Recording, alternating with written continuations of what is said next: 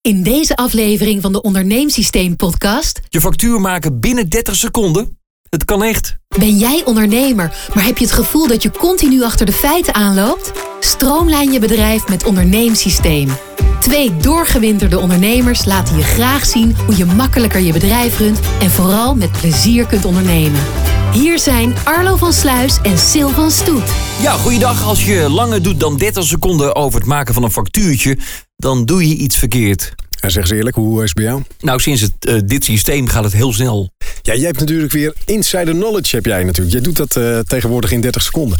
Maar hoe ging het vroeger dan? Was jij, jij was echt iemand met Word en met optellen handmatig en een rekenmachine erbij? Of had je wel al een Excel? eh? Nee, nee, inderdaad, wat je zegt. Ik had echt een, eh, een rekenmachine en eh, een BTW-programmaatje online en, en, en zo klooien. En het kostte best veel tijd. Dan moest je maar uitprinten ook en naar de brievenbus brengen. Stel dat je dan eens 30 facturen moet maken. Dan ben je gewoon Niet te doen. een halve dag mee bezig. Het kan anders tegenwoordig. Ja, 30 seconden. Langer mag het niet duren. Zullen we eerst even, dat is wel leuk, ehm, de officiële dingen die altijd op je factuur moeten staan. Want dat was in mijn eh, verleden, was ik heel beledigd dat ik dat nooit op school heb geleerd. Ik heb eh MEAO en HEAO gedaan. Ja. Lang geleden. En toen moest ik, had ik een, een eigen bedrijf en ik moest mijn eerste factuur maken en ik wist niet hoe het moest. Raar is dat, Dan hè? heb je dus gewoon twee diploma's. Dit zijn de officiële dingen die er echt op moeten staan. BTW-nummer moet erop. Duidelijk. Kamer Koophandel moet erop. Op iedere factuur moet een ander opeenvolgend nummer staan. Anders worden ze Mhm. boos. In Apeldoorn. Factuurdatum, betalingstermijn. Geadresseerde, uiteraard. Bedrijfsnaam en adres van de afnemer eh, moet erbij. En eh, datum en omschrijving van de levering en de dienst moet erbij. Het btw-tarief moet vermeld worden. En wat je nog kan doen is als je een andere eh, betaaldatum wil... dat duidelijk op de factuur vermelden. En wat niet verplicht is, maar wat wel handig is... het rekeningnummer waar je geld naartoe moet. En zet het wat groter. Sommige ondernemers die verstoppen het echt. Dan moet je echt lopen zoeken. Waar staat dat nummer nou? Ja, staat, en of dan hebben ze het bijvoorbeeld in. Oh, nu hebben we echt goede tips. Als je dus een, een balkje onderaan je factuur maakt op je briefpapier. Met een zwart balkje met bijvoorbeeld witte letters of blauw met gele letters. En je maakt er een fotocopie van, kan je het niet meer lezen. Is het weg? En bij mij worden alle facturen gekopieerd en daarna ingeboekt. Dus ja, als ik je rekeningnummer niet kan lezen, ja, sorry, maar dan, ja, Nee. dan houdt het op. Denk daarover na als je dat doet. Overigens is het btw-nummer van je klant niet verplicht, hè? Binnen Nederland niet. Als je in het buitenland factureert met de EU-regeling, dan weer wel. De officiële dingen. En ik heb er nog één. Oh. En die vergeet iedereen, jij ook. Nummer 10. Wat moet er op je factuur staan? Nou. Als het aan mij ligt. Bedankt voor de bestelling. Ja, heb ik ook, hè? Toch? Ja. Ja, maar dat vind, ik, Ja. dat vind ik gewoon leuk. Als Dank voor- de opdracht. dank voor de opdracht, dank voor de bestelling. Zet dat gewoon op je factuur. Dat is leuk. Een detail. Maar goed, dan gaan we naar En- het factureren aan zich. Want eh, dat is voor veel mensen nog steeds een probleem. Het kan dus makkelijker. Ja, want waar we het net over hadden. Je bent heel vaak veel tijd kwijt als je factuur maakt. Eh, als je een factuur in Word of Excel maakt... is het gewoon veel werk om de factuur fysiek te maken. Maar ook het verzamelen van de gegevens die op de factuur moeten... Als jij precies nog weet wat je gedaan hebt en wat je daarvoor gaat factureren, dan lukt dat wel. Maar als je wat verschillende spullen hebt ingekocht, wat uren eraan hebt gewerkt, wat korting hebt gegeven, nog eens wat hebt gecrediteerd, dan wordt dus een factuur maken is echt een hele grote klus. Dus wat je moet doen, vanaf het begin van een project gelijk gaan werken aan die factuur. Maak meteen een optelsom van alles wat op de factuur gaat komen op het moment dat het aan de hand is. Als jij tussentijds hebt tegen, tegen iemand hebt gezegd, joh, je krijgt eh 10% korting, zet dat ook meteen in dat lijstje dat je gewoon ergens, al is het in een Excel-sheet, al is het in een offerte die je niet als offerte verstuurt, maar voor jezelf bijhoudt.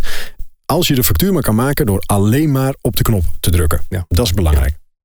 Dus vanaf je offerte, een offerte, een order, een factuur, herinnering, aanmaning... mag eigenlijk niet meer werk zijn dan vijf keer op met je muis klikken. Maar eh, hoe doe ik dat? Want Zo, je schrikt ervan, hè? nou, ik schrik er eh, in zoverre van dat ik even zit terug te denken aan mijn eh, beginperiode als eh, ondernemer. Toen ging het echt stapje voor stapje. En eh, was ik al din- dingen weer vergeten. Dus het is heel goed dat je zegt van nou schrijf het op. Zet eventueel op de pakbon erbij. eh, wat je hebt afgesproken met je klant. Dat, dat je echt duidelijk alles bij elkaar hebt. Ja, je kunt dat doen door eh, altijd een offerte te maken. Er zijn eh, factureerpakketten waar wij ook mee werken. Daar kun je een offerte in aanmaken. En van die offerte kun je een factuur maken door één keer op een knop te drukken. En ook al heb je een klant geen offerte gestuurd, je kunt wel voor jezelf die offerte als calculatie gebruiken. En als het hele orde dan is afgerond, dan hoef je dus alleen maar klik, maak op de factuur.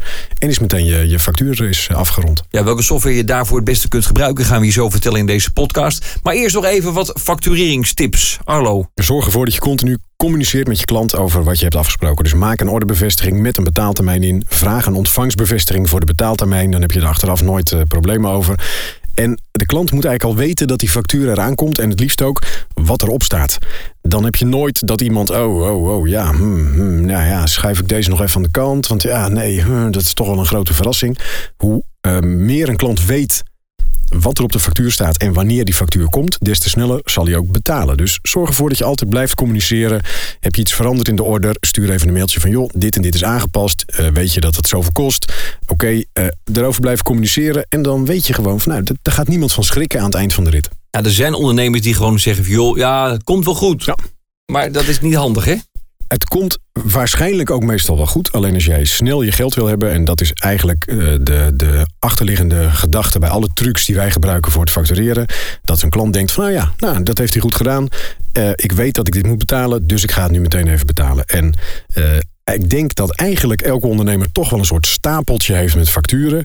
En waar jij voor moet zorgen is dat jij bovenop dat stapeltje belandt. Dat als iemand een betaalronde doet, dat hij jouw factuur meepakt en er niet meer over gaat lopen zeuren. En het is zo vervelend als de klant niet betaalt als de betalingstermijn voorbij is en je moet een herinnering sturen.